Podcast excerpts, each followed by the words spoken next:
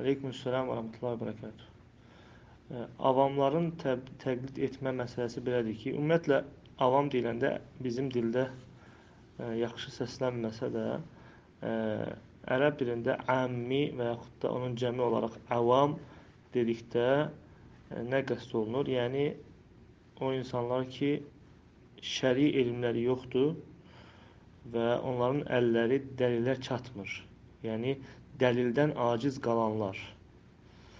Həm insanlara, bəli, təqlid e, caizdir və bəzən də vacib olur. Məzhəbçilərin şübhəsi bu deyil. Onların əsas şübhəsi e, bu təqlidi təkcə o avamlara yox, o elmsizlərə yox, e, müctəhid alimlərdən başqa hər bir kəsə vacib etmələridir. Onlar deyirlər ki, insanlar iki qismə bölünür. E, müctəhidlər və müqallidlər. İnsan nə qədər ki, müctəhid, hansı ki, o imamların mərtəbəsinə çatmayıbsa, deməli, mütləq hər bir məsələdə ona vacibdir ki, təqlid etsin.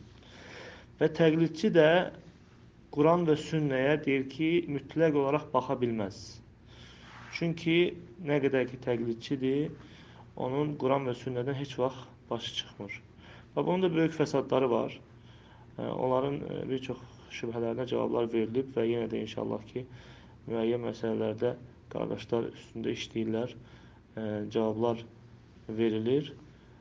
Onların şübhələrinin ən böyük, bu, bu, bu kimi şübhələrin ən böyük fəsadlarından biri də insanları Quran və sünnədən uzaqlaşdırmalarıdır.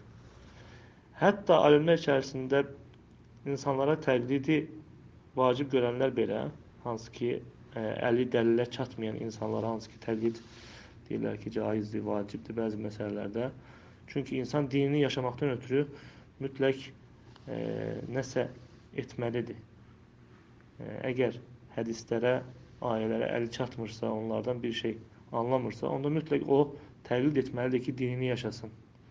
Və bu təqlid məsələsinin özündə də insan kimə gəldi təqlid etməməlidir şək yoxdur ki, mötəbər etimad etdiyi alimlərə təqlid edilir və hər hansı bir məsələ haqqında onlardan soruşanda da ə, e, dəlili ilə soruşur ə, e, ki, hətta o birbaşa insanın özünə yox, ə, e, şəriətin əsaslarına tabi olsun deyə. Amma təqlidçilərin şübhələrinin fəsadlarından dedik ki, ən birincisi onların ə, insanları Quran və sünnədən uzaqlaşdırmalarıdır. E, dediyim həmin alimlər özləri də, hansı ki təqlidi caiz görən alimlər özləri də heç vaxt hətta təqlidçilərə, hətta avam insanlara demirlər ki, Quran oxumayın və yaxud da hədis oxumayın. Və bundan heç vaxt bunlar kimi çəkindirmirlər. Amma bunlar isə tamamilə çəkindirirlər, uzaqlaşdırırlar. Nəinki avamları, hətta elm tələbələrini, hətta alimləri belə, hansı ki onlar ictihad mərtəbəsinə çatmayıblar, onlara deyirlər ki, onlar heç vaxt e, dəlil və ayə ilə hökm verə bilməzlər. Mütləq təqlid etməlidirlər. Və mütləq təqlidi onlara vacib görürlər. Amma e, doğru olan odur ki, insanlar iki təbəqə yox, üç təbəqədir. Müctəhidlər var, hansı ki, ictihad təbəqəsinə artıq çatıblar və müqallidlər, hansı ki, təqlid edənlər var və onların arasında ittiba, muttəbiələr var. Hansı ki, bu barədə imamlar danışıblar. Onlardan da İmam Şafiə rahimehullah bunu e, isbat edən imamlardandır ki, müttəbi təbəqəsi var. Hansı ki, tabiçilər. Onlar da kimlərdir?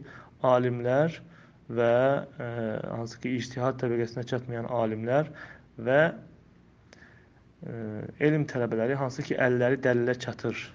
Hansı ki, onların əli dəlilə çatır və məsələləri dəlilləri ilə götürə bilirlər avamlardan, yəni sıravi insanlardan fərqli olaraq məsələləri dəlilləri ilə götürə bildiklərinə görə onlar artıq e, təqlidçilər təbəqəsindən müttəbiələr təbəqəsinə çıxmış olur. Müctəhidlərə çatmasalar da e, müctəhidlərdən həmin rəyləri, görüşləri dəlilləri ilə qəbul edə bilirlər və müctəhidlərin ictihad etdiyi məsələlərdə hansının dəlilə daha yaxın olduğunu qavraya bilirlər. Və ona görə onların bir çox ziddiyyətə düşmə səbəbləri də e, bu iki qismin e, olmasına görə, onlarda bu iki qismə bölünməsinə görə onlar ziddiyyətə düşürlər. Və bəli, bəzi alimlərdən gətirirlər ki, o alimlər də iki qismə bölüblər. Amma o alimlər, iki qismə bölən alimlər özləri də bunların kimi iki qismə bölməyiblər. Onlar həmçinin iki qismə zahirən iki qism onlar alimlər qeyd eləsələr də bəzi alimlər e, iki qism qeyd eləsələr də həmin e, qismlərdə təqlidçilərin içərisinə alimlər və elm tələbələrinin dəlillə götürməsini deyirlər. Yalnız sıravi e, elmsiz, şəri elmi olmayan, e, dəlildən başı çıxmayan insanlara o zaman yəni təqlidin vacib olduğunu deyirlər. Daha doğrusunu Allah bilir. Bu barədə inşallah e, şübhələrə cavab günlərində inşallah hər həftə bəzi şübhələrə inşallah cavabları olacaqdır. Daha doğrusunu Allah bilir.